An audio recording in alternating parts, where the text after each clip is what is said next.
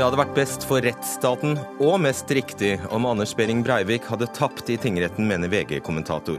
Slike overdommere trenger vi ikke, sier jusekspert som gir henne en rettsbelæring. Hvorfor velger LO å streike ved sykehushotellene, når de så godt vet at det før eller senere fører til tvungen lønnsnemnd? Norsk landbruk står overfor et veiskille, hevder bondeorganisasjonene. Da siktet de neppe til at de krever 65% mer i lønnsøkning enn det vi andre får. Og mathandel på nett er et blodbad der de færreste vil overleve, hevder høyskolelektor, som kaller kjeden kolonial.no for en bløff. Usaklig svertekampanje, svarer kolonial.no.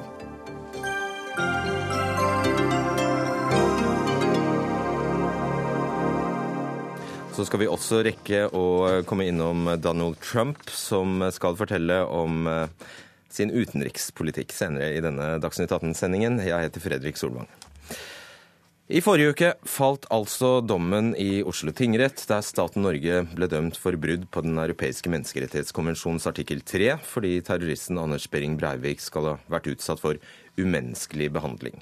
I går ble det kjent at staten anker dommen til lagmannsretten. Deler av pressen har i lederspalter og kommentarer vært svært kritiske til dommen fra Oslo tingrett. En av dem er deg, Hanne Skartveit, politisk redaktør i VG og jurist.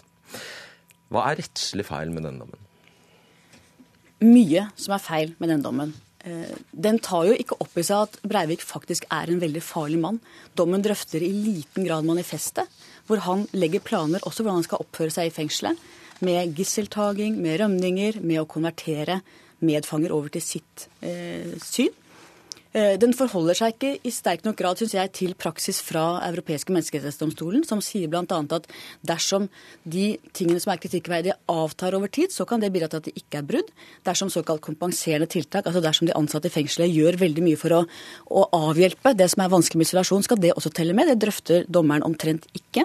Dette er bare noen av tingene. Det er en dom som både faktuelt og juridisk er feil, mener vi i VG.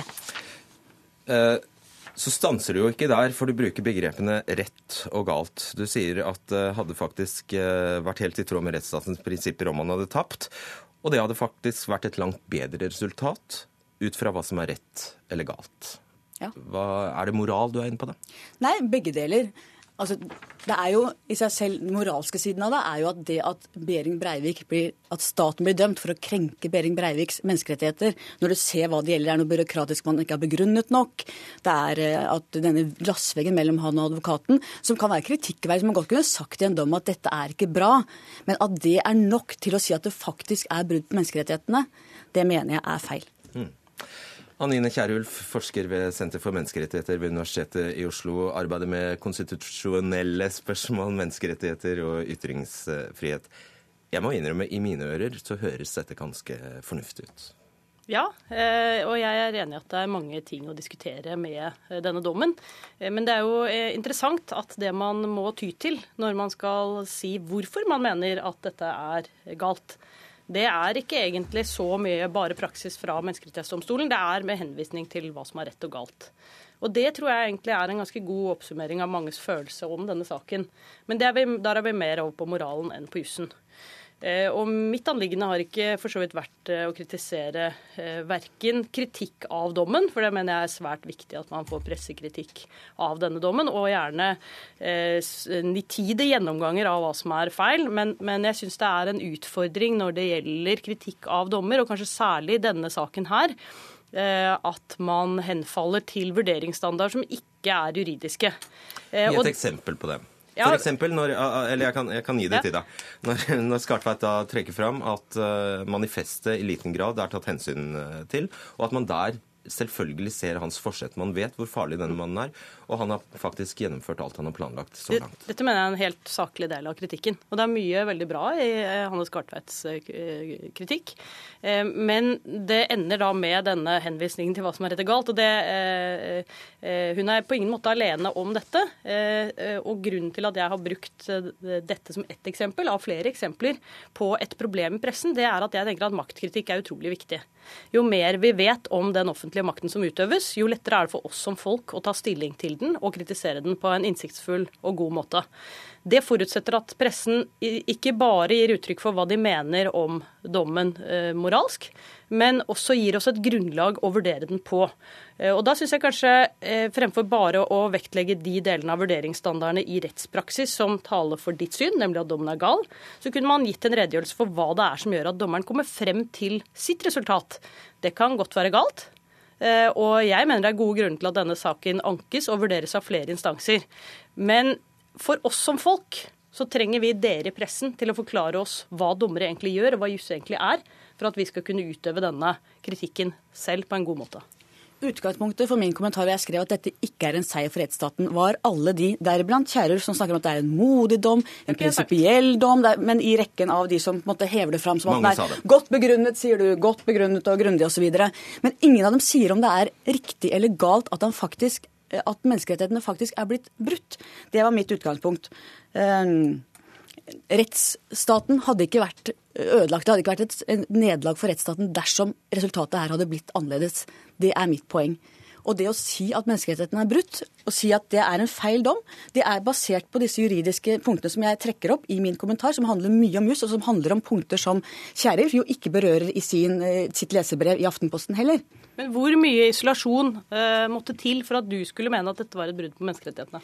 Poenget er at dommeren sier ikke engang hvor den terskelen går. Dommeren sier ikke når man passerer grensen for hva som er uh, brudd på menneskerettighetene. Men ville noe, ville noe isolasjon være tilstrekkelig til at du mener at dette er et brudd på menneskerettighetene? Mitt poeng er at her er det ikke sagt hvor bruddet, hvor terskelen er, og dommeren sier heller ikke noe om når bruddet skal ha skjedd. Så hvordan skal de fengselsansatte forholde seg til den dommen når de ikke vet var det i begynnelsen, da det var mange nakenransakelser? Var det midtveis hvor det var redusert noe, eller er det nå hvor man nesten ikke har det? Dommen tar jo inn over seg at, det er blitt, eh, at, at, eh, at soningsforholdene er justert underveis. Den drøfter ikke det i lys av Menneskerettighetsdomstolens praksis, som faktisk sier at når det går nedover, så kan det gjøre at det ikke er brudd. Denne, dette terskelproblematikken er jeg helt enig i, og det fremhever jeg også i min kronikk. Eh, men jeg mener at hvis man bare fremstiller dette som at det er absurd, eh, at det er et brudd på menneskerettighetene, så er det lite forklarende for folk flest. For det vil mange være enig i når mye av pressefokus har vært på at det er dårlig å spise Fjordland-middag i flere dager i strekk. Men det er jo ikke det denne dommen handler om. Vi har flere dommer som sier at kortere isolasjonstid enn det Breivik har vært utsatt for, kan være brudd på denne bestemmelsen. Det er ikke så lett ut fra vanlig språkforståelse å forstå. Da tenker jeg at pressen har også en pedagogisk oppgave i å forklare oss hvorfor det blir slik. Og så kan man gå til den kritikken som er å si hvorfor vi i pressen mener at dette er en gal dom. Hun skulle understøttet dommen? er det det du etter, Nei, man skulle forklart dommen. Det er ingen understøtting. Men gi oss muligheten til å ta stilling til dette selv. Og da, da, trekker hun fram en uh, kronikk av en kollega av deg, Aksel Brønnen Sterje, i, i uh, Statsviter i, i, i, Dagbladet, som hun mener, som Kjerulf da mener er forklarende i motsetning til din uh, tekst. Brånen gir et resymé av rettssaken. Man kan like greit lese dommen i og for seg. Han gir resymé av hva denne rettssaken er. På lederplass i Verdens Gang, vi er meningsbærere. Vi er altså ikke dommere. Kjerulf bruker uttrykket 'dere overprøver dommen'. Nei, vi gjør ikke det. Vi diskuterer domstoler overprøver dommer. Vi diskuterer, vi debatterer. Vi sa f.eks. da den rettspsykiatriske rapporten om Breivik kom, så sa vi i VG at den tror ikke vi noe på. Vi tror det er feil. Skulle vi latt være og sagt hva vi mente om den kjennelsen, fordi at vi skal bøye oss i støvet for ekspertene? Ellers poeng med å være en fjerde statsmakt? Jeg vet ikke hvor mange ganger jeg skal si at jeg mener det er fullt berettiget å kritisere det nå, men du kan gjerne bruke det poenget flere ganger, men, men da kommer vi ikke så veldig mye lenger. Mitt poeng er egentlig ganske enkelt. Eh, vi som folk har godt av å vite mer om hva som skjer i domstolene for å kunne være kritiske selv. Der har dere i pressen en jobb for å hjelpe oss med det. Og meningsberettigelse, selvfølgelig har dere det. For all del, si hva dere mener om den dommen. Det har du gjort hele veien, eh, og med veldig sterke ord. Men hvis det, dette i tillegg skal ha en eh, pedagogisk og folkeopplysende effekt, så hadde det vært fint for oss å skjønne også hvorfor du blir så aggressiv av at denne dommen får dette utfallet. Og det tror jeg hadde vært lettere for oss å forstå hvis vi hadde skjønt mer av hva juss er, og hvordan dommeren kommer frem til sitt standpunkt. Eh, og det Én ting er jo din, eh, din kommentar, eh, men det er jo flere andre kommentarer som nærmest fremstiller denne dommen og dommerens opptreden i saken som suspekt faglig.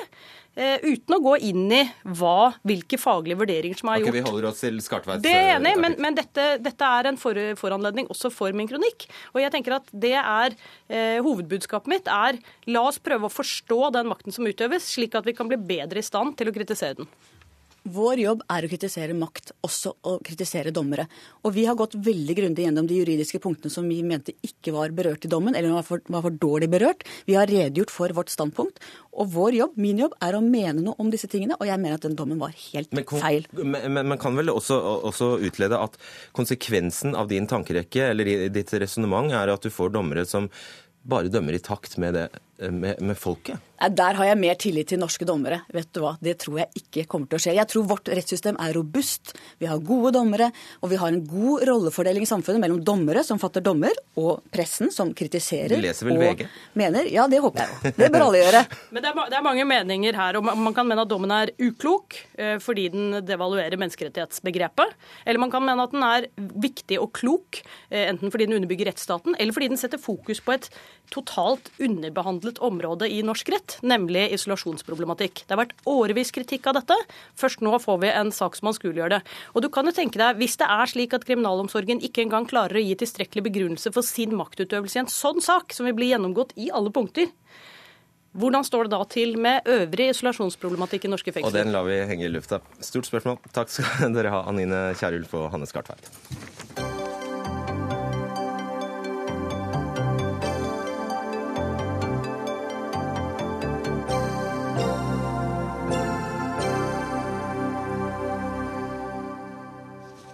Dagen etter eh, at streiken i hotell- og restaurantbransjen startet, ropes det på tvungen lønnsnemnd. NHO Reiseliv, altså arbeidsgiveren, sier det er fare for liv og helse, siden pasienthoteller er tatt ut, og ber politikerne på Stortinget stanse streiken gjennom et lovinngrep. Spørsmålet er da om tiden er inne for å endre norsk lønnsnemndspraksis. Det skriver Fafo-forskerne Kristin Alsos og Kristin Nergård i en kronikk i Aftenposten eh, i dag. og her er du, Alsos, forskningsleder ved Fafo. Hva er det eh, ved denne konflikten som skulle, som skulle framskynde en, eh, faktisk en helt ny praksis? Nei, altså Dette er jo et eksempel på et problem som kanskje har vært der i de siste årene. Eh, og det er jo at man bruker At man har en strategi da, og prøver å få en konflikt avgjort ved tvungen lønnsnemnd istedenfor å finne en løsning sjøl. Hvis strategi er det? Altså, man har I utgangspunktet så har man to muligheter. Hvem, hvem sin strategi ja, det? det? Kan være, det kan være begge parter. Mm -hmm. det, I dette tilfellet eh, er det litt, litt, vanskelig å si hva Fellesforbundet har tenkt her, men eh, man ser i hvert fall at arbeidsgiverne kan ha en sånn type strategi i dette tilfellet. Og hvorfor har de det? Hva, hva har de å tjene på det? De har jo tjent på det at da vil eh, denne konflikten bli avgjort i en lønnsnemnd. Og i en lønnsnemnd så får ikke arbeidstakersida noe annet enn de kronene som frontfaget har forhandla frem, og de får ikke til noe endring i tariffavtalen, altså lokal lønnsdannelse som de ønsker her. Ja, Så for arbeidsgiver er det ganske logisk å be om tvungen lønnsnemnd veldig fort? Ja. Eh, men så er det litt mer komplisert dette her, Ola Storeng, økonomiredaktør i Aftenposten. fordi eh, du skriver vel mer eller mindre i dag at også arbeidstakersida kan ha interesse av rask tvungen lønnsnemnd her? Altså, det, det, det finnes det opplagt eksempler på også før. Eh, nå tror jeg nok at eh, Fellesforbundet blir litt overrasket hvor harde NHO har vært i sin dispensasjonspraksis. Men som Kristin Alsås var inne på her, så, så er tvungen lønnsnemnd Det virker forskjellig i forskjellige typer oppgjør, avhengig av hva striden dreier seg om. Og I dette tilfellet så er det et prinsippspørsmål som ligger der på bordet. Eh, mer lokale forhandlinger eller ikke. Og vi vet at Det er eh, faktisk sånn at Hotell- og restaurantarbeiderforbundet ønsker det. De ønsker det. Ønsker de ikke. Ja, skulle nesten tro det var omvendt. Men, men, slik, men, men, slik er det. Men så, så, vet vi fra praksis i Rikslønnsnemnda at Rikslønnsnemnda de hater prinsippspørsmål. De skyver det under teppet og forholder seg bare til kroner og ører. Så når da Fellesforbundet har kjørt fram en omlegging av forhandlingssystemet som sitt hovedkrav, så er det temmelig opplagt at de ikke kan eh, nå fram gjennom tvungen lønnsnemnd. Og dermed gir DNO et eh, motiv for å være steinharde i sin dispensasjonspraksis. Og bare for å spole, spole litt tilbake i resonnementet ditt. Du sa, du sa, altså at eh, Fellesforbundet kan ha Unnskyld, det er Fellesforbundet vi snakker om. Eh, Fellesforbundet kan faktisk ha blitt overrasket over hvor harde i klypa NHO er når det gjelder, eh, når det gjelder praksis på, på, dispensasjoner. Eh, men så er det faktisk slik at Fellesforbundet hadde ikke trengt å streike ved akkurat disse hotellene? Nei, det var jo det jeg tok opp i den kommentaren. De hadde jo mulighet for å avverge faren for å bli utspilt på denne måten.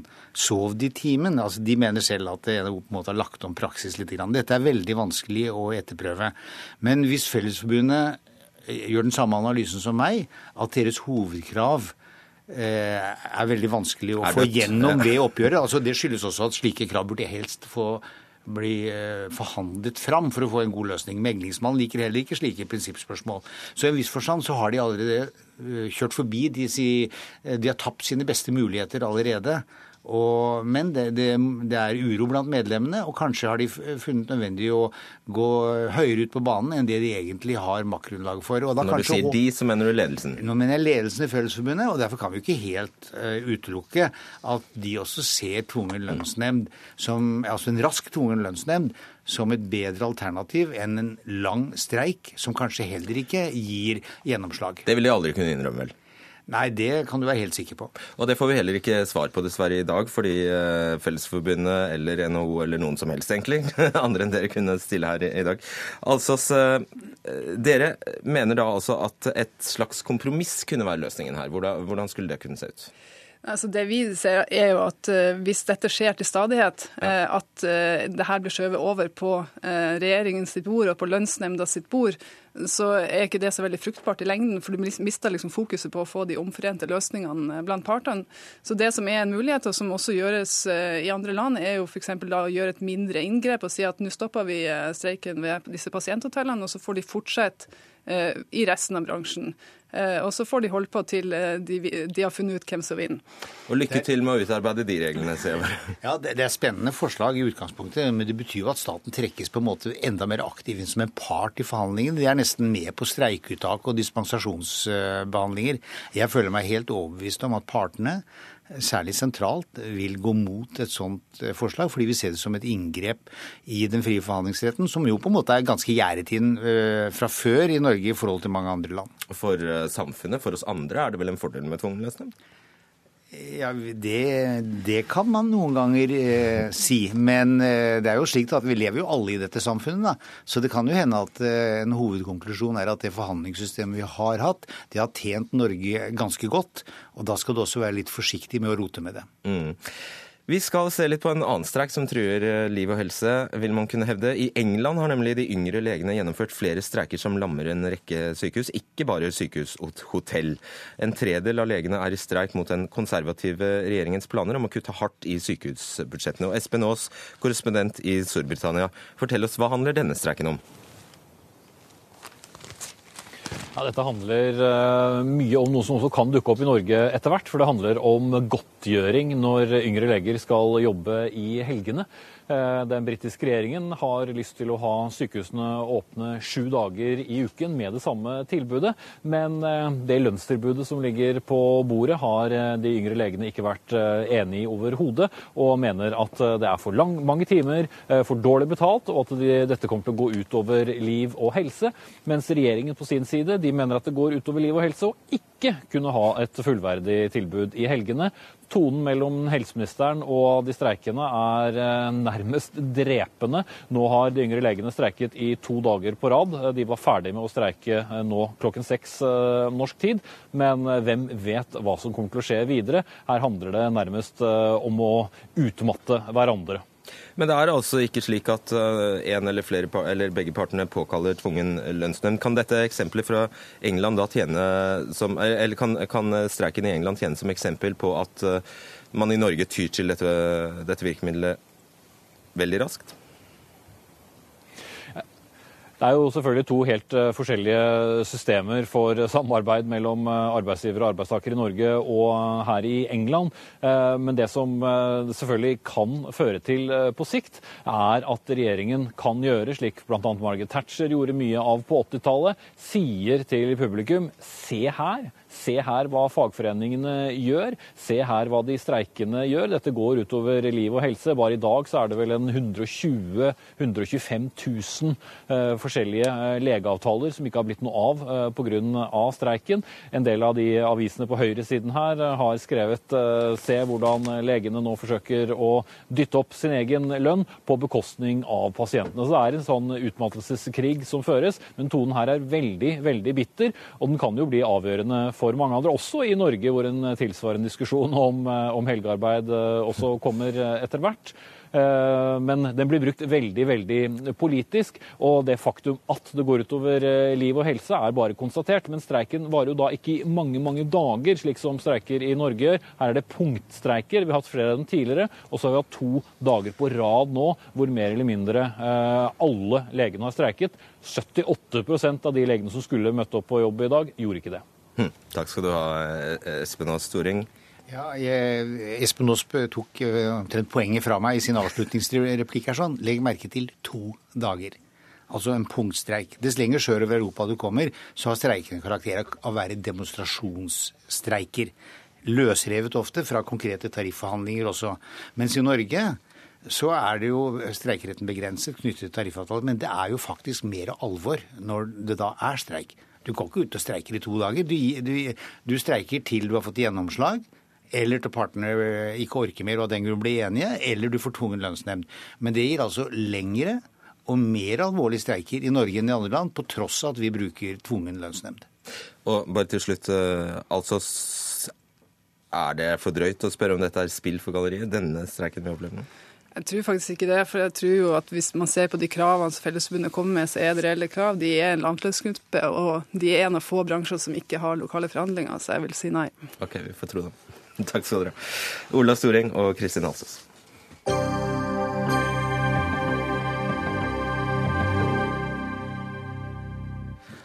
Ja, Da har bondeorganisasjonene overlevert sine krav til staten, og som vanlig akkompagneres kravene med setninger som at norsk landbruk står overfor et veiskille, og oppgjøret er så mye mer enn et lønnsoppgjør. Bøndene vil tette lønnsspriket til oss andre, og vil ha omkamp med regjeringen om mer til de få. Lars Petter Bartnes, leder i Norges eh, Bondelag. Eh, dere krever altså 20 800 kroner mer per eh, årsverk, og skriver at kravet også har tatt høyde for den økonomiske situasjonen i Norge, samt det moderate lønnsoppgjøret i privat sektor. Er du klar over hva andre grupper er forventet til lønnsvekst i 2017? Ja da, vi har fått med oss den økonomiske situasjonen så, så og moderasjon i, i lønnsoppgjørene som er i gang. Eh, samtidig så er det sånn at eh, mine medlemmer, altså eh, landbrukets bønder, er i en situasjon der at vi har over tid ligger langt bak andre grupper. Og det er grunnlag for oss å gi en, en sats her nå, for oss å tette den mm. inntektsavstanden. Samtidig så har vi en tydelig prioritering i årets krav, der at det er ikke bare spørsmål om hvordan inntektsutvikling næringa skal ha. Det kommer til det. 12 700 kroner er altså forventet eh, lønnsstigning for oss eh, andre. Det er 65% mer enn oss andre du ber om. Ja, Vi eh, kan jo regne prosent. Vi ber om en moderat lønnsøkning eller inntektsvekst for jordbruket i en situasjon der at det er nødvendig å ta et sats på jordbruket. Kaller du 65% moderat? Vi har en låg inntekts, et lågt inntektsnivå i jordbruket i, i, utgangspunktet. Det kan hotell- og restaurantarbeiderne si, det kan renholderne sånn, si, det kan lærerne si. Og det er faktisk sånn at Eh, nå er det på tide å gi et løft til landbruket, sånn at eh, vi kan sikre en rekruttering til næringa. Det er eh, avgjørende å bidra til en langsiktig produksjon av mat i Norge. Og det er innholdet i det, her, i det kravet som vi leverer. Du viser til at dere henger etter, og det er sikkert sant. Men dere hadde altså en inntektsvekst på 15% i 2014 og 2015, mens vi andre fikk 2,8 ja, og så er det jo sånn at Gjennomsnittsbruket i landbruket eh, har fått eh, en, eh, en, inntektsvekst, men vi vet at gjennomsnittsbruket ligger også langt bak andre grupper. Og I tillegg så er det sånn at de små og mellomstore brukene er i ferd med å bli kobla av. Og Årets jordbruksoppgjør er innretta sånn fra vår side at vi skal stimulere de små og mellomstore brukene, sånn at mangfoldet i landbruket kan være med. Og Det er faktisk betydelige volum det er snakk om. Så Omtrent halvparten av melka i Norge produseres på de små og mellomstore brukene. Og det er faktisk et poeng i seg sjøl. Hvor ligger disse brukene? Jo, de ligger rundt omkring i hele landet. La oss ta det nå. Eh, dere legger altså opp til å løfte de små og mellomstore brukene. og Helt konkret foreslår dere da f.eks. at eh, tilskuddet til eh, bruk med færre enn 16 melkekyr skal økes. Alle andre skal få mindre, etter deres opplegg. Hvor mye av maten som produseres her i landet, produseres av, av de brukene med mer enn ett årsverk. Du vet du, Det er ikke vårt opplegg at alle andre skal få mindre. fordi at Jordbruksoppgjøret finnes, finansieres både med prisuttak og budsjett... Det er bare økning i deres opplegg på tilskuddene for de med færrest? Både med prisuttak og budsjettoverføringer. Ja. Så når du ser det samla, så gir vi en inntektsutvikling på alle bruksstørrelsene. Ja, ja. Eh, og alle får økning, vi, vi prioriterer de små og mellomstore. Rett og slett fordi at de har en, et, greit, men... produserer et vesentlig volum i norsk landbruk. og det må vi ha med, ellers så reduserer vi matproduksjonen. Det er greit, men kan du svare på spørsmålet hvor mye av maten vår produserer brukene med mer enn ett årsverk? Eh, de som produserer mer, altså de, som, de, som, de små og mellomstore brukene står for eh, ca. halvparten av melkeproduksjonen. og Derfor så er det viktig å ha med seg de små og mellomstore brukene. Ja, men det var ikke det jeg spurte om. Altså De brukene som har mer enn ett årsverk, altså ikke der det er deltidsbønder, men der, der det er mer enn ett årsverk, produserer eh, 80% av den maten vi spiser. Kan det stemme? Ja, og, de, og, Når vi snakker om de små og mellomstore brukene, så er det jo ikke nødvendigvis bare de brukene under ett årsverk vi snakker om. Det er et mangfold av, av produksjonsenheter som skal gjøre denne jobben. her. Og Det sporet som regjeringa har lagt opp til så langt i, i denne stortingsperioden, det er å preferere bare de store brukene, prioritere dem. og Det vi ser nå, det er at de små og mellomstore er i ferd med å bli kobla av land, land, landbrukspolitikken. og Da er det vesentlige verdier som er satt i spill, som, som pleier av kultur kulturlandskap, og, og, ikke minst de ringvirkningene som landbruket bidrar med rundt omkring i hele, hele landet. Når vi vet at, eh, at, de brukene med mer enn ett årsverk produserer faktisk hele 80 av, eh, av maten vår, hvordan får du det til å henge? Og dere legger tilskuddsøkningen og det er eh, tilskuddsøkningen utelukkende på de som er aller minst. Hvordan skal man da totalt sett kunne øke mengden mat som produseres i Norge, med ditt opplegg. Ja, men vet du, Det er jo det som er så fint, vet du. At de små og mellomstore brukene, altså de, de som, som, vi prioriterer, de er tilpassa det landskapet der de er. Og vi, Hvis at landbruket skal produsere mer mat i Norge, så må du i hvert fall ikke legge ned det landbruket. og Det er det som er i ferd med å skje. Det er ikke nok med å bare ha store gårdsbruk i Norge, fordi at 3% av, jorda, av jorda vår er dørska jord, og mye av den jorda ligger rundt omkring i landet, langs fjordene og opp mot fjellene, der det er mulig å kun produsere mat gjennom små og mellomstore bruk. Kan de små og mellomstore brukene i Norge produsere all maten vår? Nei, det er det som er så flott med landbruket vårt. Mm. Vi har et landskap som krever både store og små bruk, og det må vi videreføre. Skal vi levere på Stortingets bestilling økt matproduksjon fra norsk jord? Og det er jo det som er poenget her. Hvis vi plukker det her landbruket fra jordbruk, og så bruker jorda der den ligger, så blir matproduksjonen på, uh, redusert på norske ressurser. Og det ønsker ikke Stortinget. Det er klar bestilling på å øke matproduksjonen, og det er en del av innretninga i vårt krav i år. Dere krever bl.a. økt arealtilskudd. og Det betyr at du får penger penger bare for å ha et areal der. Eh, og så er det jo om å gjøre å drifte det så dårlig og billig som mulig. Da, for å Nei, det er jo helt feil. Det er helt feil premiss. Du får penger for å ha et areal. Det stemmer. Det overføres Så det spiller ingen rolle hva som skjer på det arealet? Det, det, er også helt feil. Det er også sånn at det overføres budsjettmidler både til drift av gården, til arealene og til husdyrene. Det får både de store og små ja, ja. Eh, bruka. Og, og, det er også sånn at det er en betaling for mye mer enn bare å produsere mat. For det er store verdier som produseres. Ja, det er en betaling for å ha areal det er store verdier som produseres utover det som vi har i matproduksjon. Det er vanskelig å sette en prislapp på.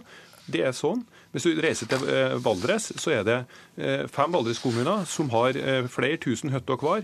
Det landskapet som folk er glad i når de reiser på hytta si til Valdres, det er pleid av det her små og mellomstore brukene med beitende dyr og søtedyr. Er, er det en automatikk i at økte arealtilskudd vil føre til økt matproduksjon? Du har et arealtilskudd i bunnen, så er det økonomien i å holde dyr som skaper produksjon. Ja, det, er det. det, er kombinasjon av flere virkemidler som gir den, den gode innretninga på landbrukspolitikken i Norge. Og det er sånn at De store brukene de har en større inntjening på uh, prisuttaket i markedet, mens de små og mellomstore brukene har en større inntjening relativt sett på overføringa. Rett og slett fordi at man trenger å ha en totaløkonomi på bruket, sånn at det her mangfoldet kan være med å produsere mat framover. I kravet deres skriver dere at litt over 3% av landarealet i Norge er jordbruksareal, hvilket betyr at Norge har mindre dyrket areal per innbygger enn nabolandene våre. Det betyr at vi får mindre dyrket areal dess større befolkningen blir. Altså dess flere nordmenn vi blir, dess mindre areal per innbygger blir det. Hvorfor er det relevant på noe jo, som helst vis? Men det er jo ikke det det handler om. Det, jo, det, som, er det, det, det som er hovedutfordringa, det er jo at mer og mer areal går ut av drift. Mer og mer areal bygges ned. Hvis du tar Agder, Hordaland, Sogn og Fjordane og Troms, så er i nærheten av en 10-15 av arealet er, er ikke i drift lenger. Eh, og vi bygger ned 6000-7000 eh, Hvorfor måler dere mot innbyggere? Jo, fordi at det, Dette handler jo om hvordan matproduksjon skal vi ha. Vi skal produsere mat til en voksende befolkning. Det er også en del av kravet fra Stortinget. Og, og, og, Men matproduksjonen øker jo. Og da også reversere utviklinga på de små og mellomstore brukene, som står for en vesentlig del av matproduksjonen i landet her. Okay. Det er også å gå ja. helt feil vei i, i, i, forhold til det som Stortinget har. Poenget mitt var bare at ifølge den logikken så får vi jo mindre fjell eller mindre hav per nordmann. Vi snakker jo om å bruke altså det dette handler om, det å bruke jordressursene vi har her til lands til matproduksjon til en voksende befolkning. og Nettopp derfor så må det stimuleres til eh, at vi kan utvikle matproduksjon, sånn at vi leverer på det. Okay. Foreløpig takk. Eh, Mikael Brøndbo, kommentator i Nasjonen. Hvor strategisk eh, lurt er det av bondelagene å be om omkamp på innretningen jeg tror det er veldig lurt. for eh, Hvis du ikke ber om omkamp på det tidspunktet, så kan du på en måte bare legge deg flat. Eh, før eller senere måtte du ta, ta den. Og nå, så, Det Bondelaget har gjort nå, er jo at de har etablert at de kan komme til enighet med en Frp-statsråd. Det gjorde de i fjor. Det betyr at de teoretisk sett har politisk råd til å ta et brudd i år hvis det skulle være på den måten. En annen ting de har gjort, er at de har utforma kravet Sånn at øh, det er ikke et krav skreddersydd for Frp sitt partiprogram, akkurat, men det er et krav som tar inn over seg det flertallet på Stortinget har sagt, i veldig stor grad. Hvilket betyr? Øh, som først og fremst betyr Én ting er at Arbeiderpartiet, og Senterpartiet, og SV og Miljøpartiet De Grønne er med på lasset når det gjelder å tette inn det inntektsgapet som man snakker om, og å ha en annen struktur på landbruket enn den som eh, regjeringa har lagt opp til. Men det som er viktig, er at KrF har også sagt dette lenge, hele tida. Og Venstre har langt på vei sagt en del ting som forplikter dem. De har bl.a. sagt at eh, inntektsgapet skal tettes. Og det at inntektsgapet skal tettes, det er et sånn kodeord for landbruket. på en måte. Det betyr, eh, som Heng Bartnes snakker om, at lønna, eller snittinntekta til en bonde skal nærme seg snittinntekter til, til Og det må nødvendigvis eh, bety at ja. den må over oss andre på et ja, på, på et eller annet tidspunkt. Du, må, du trenger ikke doktorgrad i matematikk for å skjønne at uh, noen må få mer for å ta igjen, med mindre vi andre skal gå ned i lønn. Har de denne gangen tallene litt imot seg? Altså lønnsveksten, har, lønnsveksten innen landbruket har vært ganske formidabel de, siste, de, to siste årene. Produksjonen øker faktisk, selvforsyningsgraden øker. Ja, eller det som er greia, er jo at det har vært fint vær de siste årene, sånn at avlingene har gått opp. Eh, og det gjør jo at inntektene til bonden øker. Eh, det har, det, men det er jo sånn ting, det er en faktor du ikke kan kontrollere. Eh, og at det er en vanskelig situasjon ellers, gjør det på en måte enklere å ta igjen det inntektsgapet, som sagt. Og bortsett fra det, så det som er viktigst her, er jo de små og mellomstore brukene. Øh, og skru opp dem på et vis. Men det du sa innledningsvis der, mm. betyr at de styrer mot brudd? Det er det de, det er det de prøver på, eller? Eh, jeg skal ikke se i noen krystallkule, øh, for det, du må vite hva regjeringa svarer før du vet det. Og der er det, Jeg er jo veldig spent på hvordan Dale har tenkt å legge opp sin strategi. Mm. Han er jo en trivelig kar. Kanskje han legger fram et trivelig tilbud òg. Det kan hende. Takk skal dere ha. Takk Mikael Brøndbo, og takk Lars Petter Bartnes.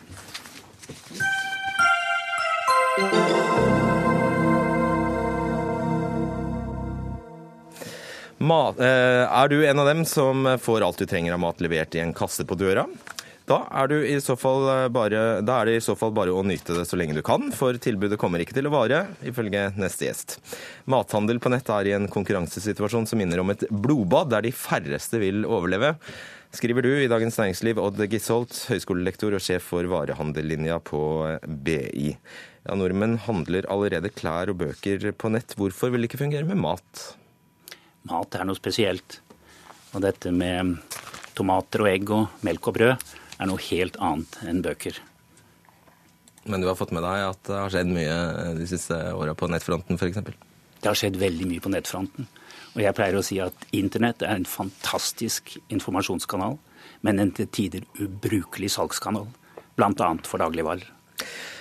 Eh, du trekker fram spesielt kjeden Kolonial som er herværende, og du mener de bløffer om hvor godt de gjør det. Hvordan kan du hevde det? Ja, De gjør det jo ikke godt i det hele tatt. Nå har de riktignok ikke holdt på med den i tre år, men de taper jo penger så det gviner. Og jeg har spurt hvor lenge de har tenkt å holde på å tape penger, og det får jeg ikke svar på. Og jeg spør om masse annet. Senest i Dagens Næringsliv i dag så stiller jeg syv spørsmål, og det får jeg ikke svar på. Vi kan prøve her. Carl Munthe Kaas, du er administrerende direktør i eh, kolonial.no. Først dette her med at uh, dere eh, bløffer og ikke vil gi han svar. Hvorfor vil du ikke svare han? Dette er jo en litt absurd situasjon, fordi vi har vokst ekstremt raskt. Vi begynte jo vår markedsføring i august i fjor. Eh, og på de syv-åtte månedene så har vi da vokst med eh, rundt 7 i uka, og omsetter nå for rundt 8 millioner i uka. Ja, Det er en av påstandene han gjerne vil ha svar på. Hvor tar du det tallet fra? Hva er utgangspunktet for den påstanden? Ja, det er jo rett og slett salget vårt. Eh, så jeg vet jo akkurat hva vi solgte forrige uke, og jeg vet hva vi selger denne uka. Så, du solgte for 14 millioner i forfjor og 75 millioner i fjor. Og det er ikke mer enn et, en kiosk for to år siden og et lite supermarked i år. Det, så da går det ikke å vokse med 7% i uka? Vel, det er jo det, selvfølgelig, selvfølgelig går det an. Og, og det, er jo, det, er jo, det Odd sier her som egentlig er hele poenget. Eh, det stemmer. Vi, vi, bygget opp, vi startet vårt salg i 2014 og, eh, og bygget opp logistikk og teknologikompetanse. Og, og det har ført til at vi nå i august kunne skalere opp og, og, dette er jo oppsiktsvekkende. Dette er den raskeste veksten som noe e-handelskonsept for mat har hatt noen gang i Norden. Vi gikk altså fra ca. 1 million i uka i august til 8 millioner i uka nå, eh, nå i april. Ok, Giselle, kan ikke du ta, de, ta, ta, to av spørsmålene dine som du ikke har fått svar på? Så kan vi se om han svarer nå. Ja, Det første var jo når han skulle begynne å tjene penger, og det vil han ikke si. Og jeg har også spurt om uh, Han har jo en del mellomledd. F.eks. Uh, sender han jo ut uh, varene sine til hentepunkter og de hentepunktene gjør jo ikke jobben gratis, så jeg vil gjerne vite Skjell, f.eks.? Ja, f.eks. Hvor mye får de i provisjon for å gjøre jobben for han? Kan ikke du svare på det? Ja, altså, nå er det jo sånn i, i næringslivet at uh, man har rett og slett kontrakter, så jeg, jeg, kunne ikke svart på det spørsmålet om jeg hadde kunnet det engang. Mm. Uh, dette er jo konfidensiell informasjon, men det, det er riktig som Grisvold sier. Altså, vi, vi, har 26 endepunkter i Oslo-området. Vi samarbeider med Statoil, Shell og, og Shell Seneven. Det heter ST1 nå. Eh, og, der, der, kan jo kundene våre altså De bestiller jo på nett, og så henter de dem ferdig pakket der. Og det er klart at det koster jo eh, penger. Og, og Gisholds kritikk eh, Nå opplever jeg for så vidt ikke at han mistror oss på salgstallene våre, fordi det, de er vi jo fullstendig åpne om. Vi er også fullstendig åpne om at vi har eh, hatt tap. Dette er helt naturlig. Vi, vi omsetter nå som sagt for 8 millioner i uka, og det, vi kommer til å omsette for overkant en halv milliard i år. Eh, og, det er klart at Man kommer ikke dit uten å gjøre investeringer. Så, så, så det, det, at dette er noe rart, det, det, det er det overhodet ikke. Hva mer lurer du på? Ja, Det lurer jeg på. Jeg gleder meg til jul, for da skal jeg spørre Munter K, som han virkelig omsatte for en halv milliard. Vi omsetter for 8 millioner i uka nå. Det vil jo vise seg da i Brønnøysund, vil det ikke det? Det vil det, og det er fælt at vi må vente på Brønnøysund. Jeg spør jo Norgesgruppen, jeg spør Coop, jeg spør Reitan. Får alle tall med en gang. Og I dag har jeg stilt altså syv spørsmål i Dagens Næringsliv, og han nekter å gi svar. Han sier det er sensitiv informasjon. Ja, et av dem er altså Hvor mange aktive kunder dere faktisk har? Kan du svare på det? Nei, altså, jeg, jeg har jo sagt, Dette er jo litt absurd, for jeg sier jo, jeg forteller deg jo nå akkurat hva vi omsetter for. Jeg, jeg, ja, men antall kunder? Ja, Vi snakker tusenvis. Åtte millioner i uka. Eh, altså, og Her ligger jo litt av, av poenget. Altså, vi, vi, vi, har svært store ordre, så våre kunder de handler for hele uka når de handler hos oss. Eh, og akkurat hva det tallet er, det er sensitivt. I, i dagligvarebransjen så ligger en handlekurv gjerne på et par hundre kroner i snitt. Den er selvfølgelig en helt annen på nett. Og her ligger jo, altså det, Vi disrupter jo en bransje her. Vi, vi revolusjonerer en bransje, og da er det folk svært interessert i å vite detaljnivå på, på disse kostnadene. Og, og, det er selvfølgelig eh, informasjon som, som eh, Han prøver jo å forske på dette her, da. ja, jeg har, forsket på det. jeg har forsket på det siden 1999 og vært i varehandel i flere tiår. Men eh, jeg skjønner ikke hvordan han kan si at han revolusjonerer bransjen. Denne bransjen består av 165 milliarder i omsetning i året. Og det er 4000 dagligvarebutikker pluss en 1000 Brustadbuer som leverer varer til oss. Og Det betyr at vi trenger ikke så mye varer på nett, fordi vi har den største dagligvaretettheten i Europa. De sammenligner ja, ofte med England. For å, for å, sette det i perspektiv, altså Foreløpig så, så, antar man at uh, hjemlevering eller varer på nett kan utgjøre om lag 1 milliard i omsetning. noe sånt nå? Én av 165 milliarder? Ja, men da må man skille litt ja. mellom de som leverer kasser, ja. og de som leverer poser. Ja, det skjønner jeg. Men det er litt puslete revolusjon, og ikke sånn? Ja, altså En revolusjon starter jo tross alt et sted. Eh, og, og, I Storbritannia nå så omsettes jo over 5% av all dagligvare som selges, på nett. Det er over 10% i storbyene. Det, det er en revolusjon. Denne har ikke kommet til Norge før vi egentlig begynte å skalere opp i august. Og det er den naturlige årsaken. Jeg regner med at Odd Gissel kan ikke regne med at han en natt går og legger seg, og så neste morgen så er det plutselig blitt 30 30 nettsalg. Eh, det at man vokser 7% i uka i 30 uker i strekk, det er faktisk begynnelsen på en evolusjon. Og Hvis du snakker med kundene, så snakker man her også om at man kan få et tilbud som er på lavprisnivå, med et fullsortiment, og man kan planlegge mye mye bedre. Vi selger dobbelt så mye frukt og grønt som en vanlig dagligvarebutikk, og tre ganger så mye fisk. Det er et tegn på det. Og vi reklamerer ikke. Men hvorfor, hvorfor kan du ikke bare ønske dem lykke til? Egentlig ønsker jeg dem lykke til. Og de har jo påstått at jeg vil dem noe vondt. Det vil jeg ikke. Jeg vil jo anbefale alle til å prøve ut tilbudet deres. Jeg har prøvd ut selv, jeg. Og det funket ikke, så jeg har gått bort fra det. Men hvorfor, hvorfor skulle Mente Kaas ha noen interesse av å bløffe deg? Eller oss, eller oss, da? Nei, Jeg kaller det bløff fordi han ikke vil gi tallene og snakker om at det er sensitivt. Og han hevder at jeg driver hersketeknikk med ham når jeg spør om tallene. Alle de andre i bransjen de gir tallene regelmessig og åpenhjertig. Nei, men vent litt. Altså, Norgesgruppen gir ikke innkjøpsbetingelsene sine. De gir ikke kostnadsnivået i hvert enkelt ledd av sin, eh, av sin, bedrift. Det er ikke mye om å gjøre. Og jeg har sagt akkurat når det gjelder innkjøpsbetingelsene dine, så skal jeg ikke spørre om de. For jeg vet at de er mye, mye dårligere enn Norgesgruppens. Du vet faktisk ingenting om det? Jo, det vet jeg. Ja, Men eh, det vi kan anta, er jo at Rema 1000 ikke selger seg gratis. Og at siden du Absolutt. får varer levert av uh, durkdrevne Rema 1000, så må det, være et, det må være et mellomlegg der. Det er et, det så hvordan kan du selge varene like billig som Rema 1000? Nei, men Det er fordi vi har dyttet ned kostnadene. Og, og, dette er jo det arbeidet vi har holdt på med nå i lang tid, fram til august, hvor vi da virkelig begynte oppskaleringen. Og det er klart at Vi omsetter da for ti ganger et vanlig supermarked på vårt ene lager. Det er klart at man sparer penger når man kutter ut ti butikker og erstatter det med ett lager. Eh, vi har ingen som sitter i kassa og venter på at det skal komme kunder. Derimot så har vi de som plukker, og vi har transporten. Så, det, så her tar man ut noe, og så legger man til noe. Og det som har vært vårt poeng, er at Odd Gisholt, eh, med all respekt, har faktisk ikke eh, den kompetansen til å vurdere den siden av bildet. Men det jeg vil si, er at man tjener altså penger på netthandel både i Storbritannia og Sveits. Så å si at dette er umulig, det, det er jo en, en sterk påstand. Jeg har bodd ti år i Sveits, og jeg kjenner Migros veldig godt. Og Det er mikroskopisk hva de omsetter på nettet, og jeg tviler på at de tjener penger på det. Og Munter Kåss tjener jo ikke penger i det hele tatt. Han har 100 ansatte og 20 biler. Og sier at han, ansatte, og at han Du vil ikke si hvor mange ansatte du har, da? Ja, jeg antar det at han har det. Og så sier han at han driver en butikk som er som et stort supermarked. I Norge er det altså 4000 butikker. Ti, ti ganger et supermarked, var det jeg sa. Ja, Det kan diskuteres om det er stort eller lite. Ok, Jeg tror vi sitter, ja. venter på resultatet ditt. Ja. Takk, Carl Munthe Kåss og Odd Gisholt.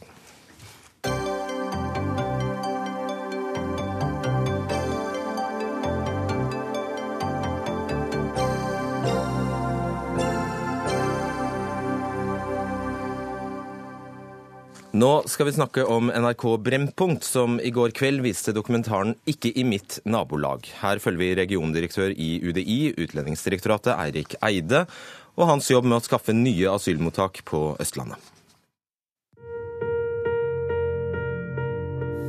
Jeg fylles av frykt. Det er en utrygghet. 500 like utenfor her, det er for mange. Eh, og mannen min sier vi må anskaffe hund, sier han. Vi må ha en vakthund. Ikke noe sånn liten greie, men vi må ha en ordentlig stor hund. Ja, Det verste jeg har opplevd, uh, sier Eirik Eide i denne dokumentaren om et informasjonsmøte som ble avholdt på Montebello i Oslo, da det var snakk om å opprette et asylmottak, stort asylmottak i nabolaget. Og det møtet var også du på, Margrethe Gelmøyden, nabo og bydelsrepresentant for Venstre i eh, Ullern bydel. Du kaller faktisk dette hatjournalistikk og grovt usaklig. Ja. Stemmer det ikke at det delvis har vært sterk motstand mot dette mottaket? Eh, nei, det stemmer ikke, faktisk. Eh, både bydelen og velforeningene har uttalt seg skriftlig om at de gjerne bidrar eh, med den situasjonen som Norge står i. Man har bedt om å få redusert antall beboere på det mottaket fra 1000 og ned til et lavere tall. Og så har man ønsket at det kommer flest barnefamilier. Men det har ikke vært noen kamp mot asylmottak på Montebello. Det er tull. Og Disungseth, redaktør i NRK Brennpunkt, ga dere et sannferdig og, og, objektivt bilde av dette folkemøtet på Montebello? Ja, Nå var ikke dette en dokumentar som handla om folkemøtet på Montebello. Dette var en dokumentar som handla om en av de største utfordringene i vår tid, nemlig å sørge for at det blir nok plasser på asylmottak til de som kommer. Og Vi fulgte da eh, Erik Eide, regiondirektør i UDI, eh, på to steder som var aktuelle i denne perioden, Montebello og Bolkesjø. Eh, når det gjelder dette møtet på, på Montebello, eh, så mener jeg at eh, vi ga et representativt bilde av det som skjedde der. Okay. Vi har sett opptak av hele informasjonsmøtet. Spørsmålsrunden starter bl.a. med den aller nærmeste naboen til det planlagte asylmottaket som sier han ønsker asylsøkerne velkommen, og at han gleder seg til å ønske dem godt nyttår. Vi skal høre hva han sa på folkemøtet. Når jeg har sett denne eiendommen, så har jeg sett at den har såpass gode kvaliteter. Den ligger i et robust boområde. Det er fantastiske uteområder, og det er store arealer som ikke er rukket å bli helt eh, nedslitt ennå. Den er rett og slett så egna for et sånt formål at jeg sier velkommen til Smestad, velkommen til Husby, velkommen til Montebello. Dette er en perfekt løsning. Takk for det. Det var stor applaus som vi hører her. Isundset, hvorfor er ikke denne mannen med i dokumentaren? For å si det sånn, Hvis resten av dette møtet hadde foregått sånn, så hadde naturligvis eh, vårt referat fra det møtet vært helt annerledes. Eh, dette var den ene representanten som entydig var positiv eh, til, til dette asylmottaket. Alle andre naboer uttrykte skepsis, særlig i forhold til Hva så? Han var jo der og sa det han sa, og fikk applausen han fikk? Ja, det, det, det, gjorde han, men altså, om vi hadde tatt med dette, så ville ikke det ha gitt et mer representativt bilde av det som var der. Vår, vår, vårt program handla om eh, Eirik Eide, regiondirektøren, og det møtet han Uh, altså, hans møte med beboere, med skeptiske beboere. Uh, han sa sjøl etterpå at dette var det verste han hadde opplevd. Ja, Han var en god skuespiller gjennom hele denne reportasjen. Godt regissert av Brennpunkt NRK. Hva er det du sier for noe? Ja, Det syns jeg så ut som han spilte teater. Det er min mening. Og, og den kommentaren han kom med etter, etter det folkemøtet, syns jeg var uh, pussig. Det denne dokumentaren, såkalte dokumentaren gjør, er at den tegner et bevisst fordreid bilde av Montebello eller Oslo vest som frir til alle folks Eh, våte drømmer og fordommer om Oslo vest. Her er de plukket, Dere har plukket ut de to aller mest kritiske eh, personene fra dette folkemøtet. Dere har intervjuet dem. Eh, dere har krydret dette med nærbilder av villaer, eplehager, persiske tepper, lysekroner. Her er alt med. Musikk er det også på. Eh, det er ingen bilder fra det som er Montebello ellers, som er liksom monstermaster, gjenbruksstasjon, eh, blokker, rekkehus, vanlige folk og barnefamilier. Det finnes ikke. Så eh, verken omgivelsene, menneskene, meningene eller folkemøtet er på noen som helst måte presist gjengitt. Dette er ren propaganda, og effekten okay. av det er at folk syns at folk på Montebello er helt forferdelige. Selv i Bergen. Ja, Det er mange sterke ord som det er vanskelig å ta på alvor, særlig når du karakteriserer eh, en regiondirektør i UDI som skuespiller. Det syns jeg er ganske uverdig. Så sier du at vi bedriver en form for hatjournalistikk. Jeg vil gjerne vite hva du mener med hatjournalistikk. Jeg mener at dere jeg mener at eh, det programmet frir til folks fordommer, sånn som jeg nettopp forklarte det. Dere bruker dramaturgiske virkemidler eh, musikk, bilder, kamerabevegelser. Alt okay, det er bare glem, glem, glem begrepet og forhold deg til virkemidlene. da, i ja. ja, I dokumentarer så bruker vi naturligvis alltid virkemidler som musikk og bilder. Dette asylmottaket skal altså ligge i et, uh, i et villastrøk. Uh, det er vel kanskje et halvt minutt eller 40 sekunder av denne dokumentaren som viser noen bilder av, av det nærmeste nabolaget. Og en av de nærmeste naboene er altså intervjua i vår dokumentar. Og han gir som alle andre først og fremst uttrykk for en skepsis til antallet asylsøkere som skal komme dit. Det er det bildene bringer. Men hele poenget her er jo at det hadde vært rimelig, også journalistisk rett, å intervjue noen som var positive, for de fantes på dette møtet. Ja, Men dette var ikke en eh, dokumentar om dette folkemøtet. Så, så er det gjerne sånn at vi kunne hatt med denne ene som var udelt eh, positiv, men det ville ikke gitt et mer sannferdig bilde av den skepsisen som var. Han fikk jo rungende applaus. Ja, det var mange som fikk applaus på dette møtet. Altså, Dette møtet varte i over to timer. Veldig mange av de som tok ordet der, fikk applaus. Og det var, faktisk, det var jo faktisk eh, naboer som kalte dette en invasjon, Gelmøyden. Det kan ja, du ikke da, Absolutt. Her på dette møtet fantes det alle slags meninger. Det fantes saklige, det fantes usaklige innlegg, det fantes folk som var positive og folk som var negative. Sånn er det på et folkemøte. Og på alle folkemøter, når det er en såpass stor ting som eh, skal skje, så pleier det å være litt temperatur. Og jeg syns det er underlig at en regionsdirektør i UD ikke var forberedt på, på, det. Vår dekning av dette skilte seg ikke fra den dekningen som var i andre medier rett etter dette møtet. Vår dekning var sånn sett mer moderat i virkemiddelbruken eller språkbruken i forhold til det som ble skrevet i Aftenposten, i VG Eh, og på TV 2. Ja. Det er ikke riktig, for både Aftenposten, VG og TV 2 har også referert til denne personen, som så, uttalte seg eh, 'velkommen til Montebello'. Så vil jeg gjerne vite, eh, altså Du bruker ord som hatjournalistikk. Det er et ord jeg ikke har hørt før. Men betyr det at du mener at jeg og andre i Brennpunkt har et hat mot folk som bor på Montebello? Jeg mener at den eh, reportasjen dere laget, er propaganda, og den har den effekt som propaganda har. Den utløser følelser hos folk. I dag har jeg vært i Bergen. Folk i Bergen hadde sett denne reportasjen. De syns folk på Montebello og disse menneskene var helt forferdelige. Jeg lurer på hvor mange nettroll dere har redigert bort i løpet av dagen i dag på disse innslagene dere har lagt ut uh, om, om uh, dette programmet. Nei, det er relativt få. Det er veldig få. Ok, Isungset, Er det noe grunn til å ta Altså, kan du forstå at de føler seg eh, krenket på Montebello?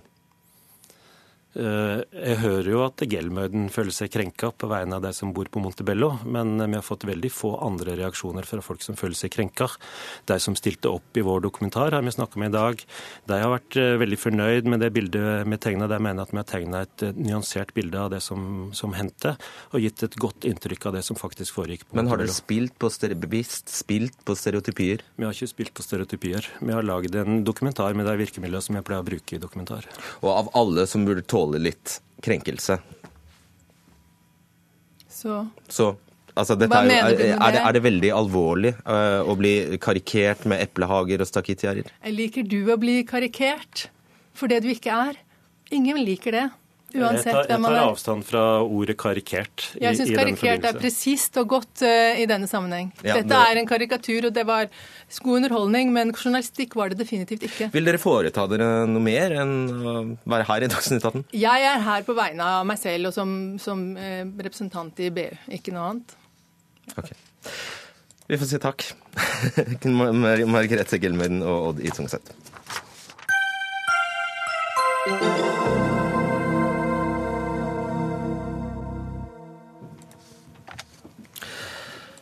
For eh, Donald Trump er nå godt i gang med å redegjøre for sin utenrikspolitikk. Ja, du hørte riktig. Det har vært spenning rundt eh, hvilken linje han vil legge seg på. For eh, fram til nå har utenrikspolitikken til mannen som etter nattens valg ligger an til å bli republikanernes presidentkandidat, vært litt tilfeldig og lite detaljert. Flere ganger har han gjentatt kontroversielle uttalelser, som å bombe IS til helvete tvinge Mexico til å betale for et høyt grensegjerde og nekte muslimer å komme inn i USA. Vi skal høre en liten smakebit fra starten av talen hans. The direction I will outline today will also return us to a timeless principle. My foreign policy will always put the interests of the American people and American security above all else. Has to be first. Has to be. That will be the foundation of every single decision that I will make. America first will be the major and overriding theme of my administration. Ja, USA-korrespondent eh, Tove Bjørgaas, eh, Donald Trump sier han har en strategi for å erstatte kaos eh, med fred. Hvordan har han tenkt å gjøre det? Han har tenkt å være tøffere mot USAs allierte også i Europa. Han har også tidligere sagt at han mener Nato er unødvendig, at europeerne må betale en mye større pris eh, og, bidra mye mer eh, rundt omkring i verden. Eh, men han sier at han vil ha en, doktrin, altså en utenrikspolitikk som ligger et sted mellom Barack Obama og George W. Bush. Han mener Obama har vært helt forferdelig f.eks. For i det å eh, framforhandle en atomavtale med Iran. Men samtidig så støtter han en tostatsløsning i Midtøsten, og han mener at det var galt å gå til krig i Irak, som George W. Bush sto for. Eh, men mye av det som er sagt i talen så langt, syns jeg er mange av de one-linerne vi har hørt før fra eh, Trump.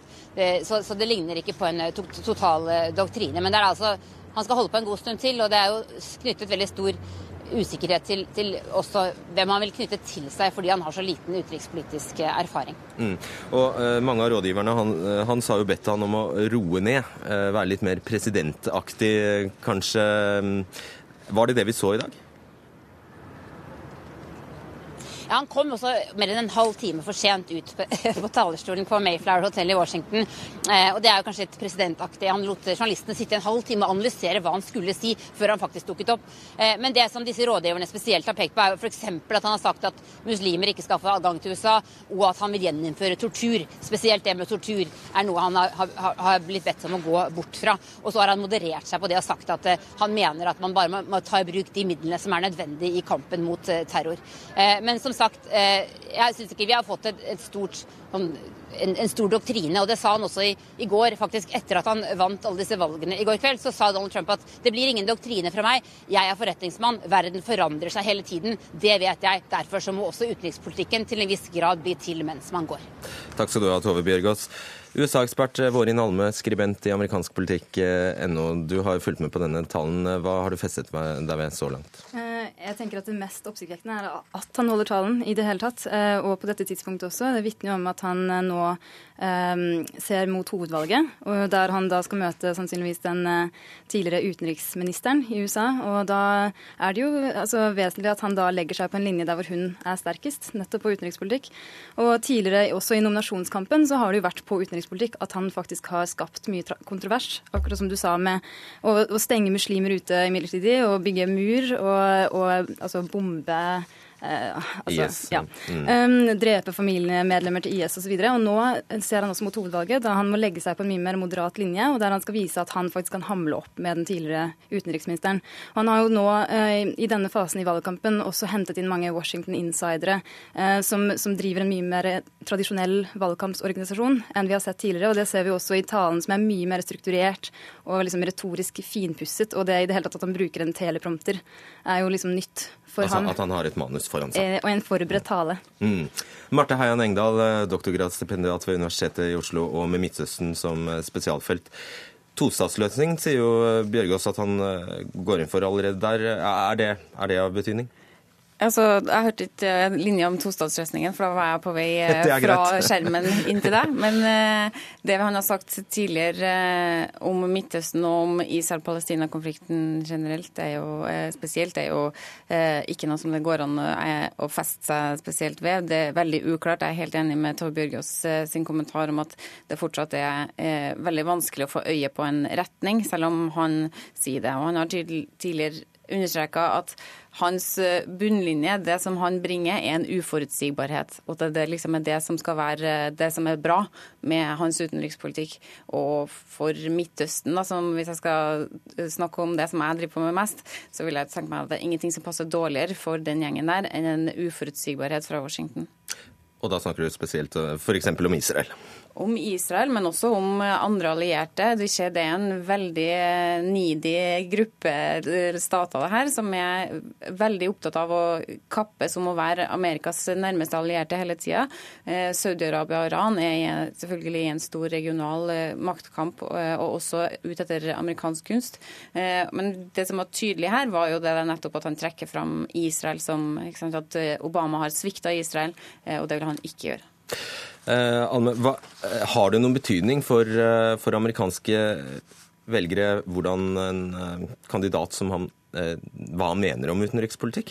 Ja, absolutt. Altså, nå har han jo eh, samlet masse støtte blant grasrotvelgere. Eh, gjerne velgere som ikke eh, har stemt før. Men nå er han interessert i da å nå ut til et større publikum som kanskje er litt mer moderate republikanere og uavhengige velgere. Mm. Skulle gjerne hatt mye mer tid, men det ble knapt her på slutten. Takk skal, skal dere ha, Vårin Alme og Marte Hein Engdahl. Vi får sikkert snakke mer om dette en annen gang. Det var eh, denne Dagsnytt 18-sendingen. Dag Dørum var vaktsjef. Finn Lie var teknisk ansvarlig, og jeg heter Fredrik Solvang.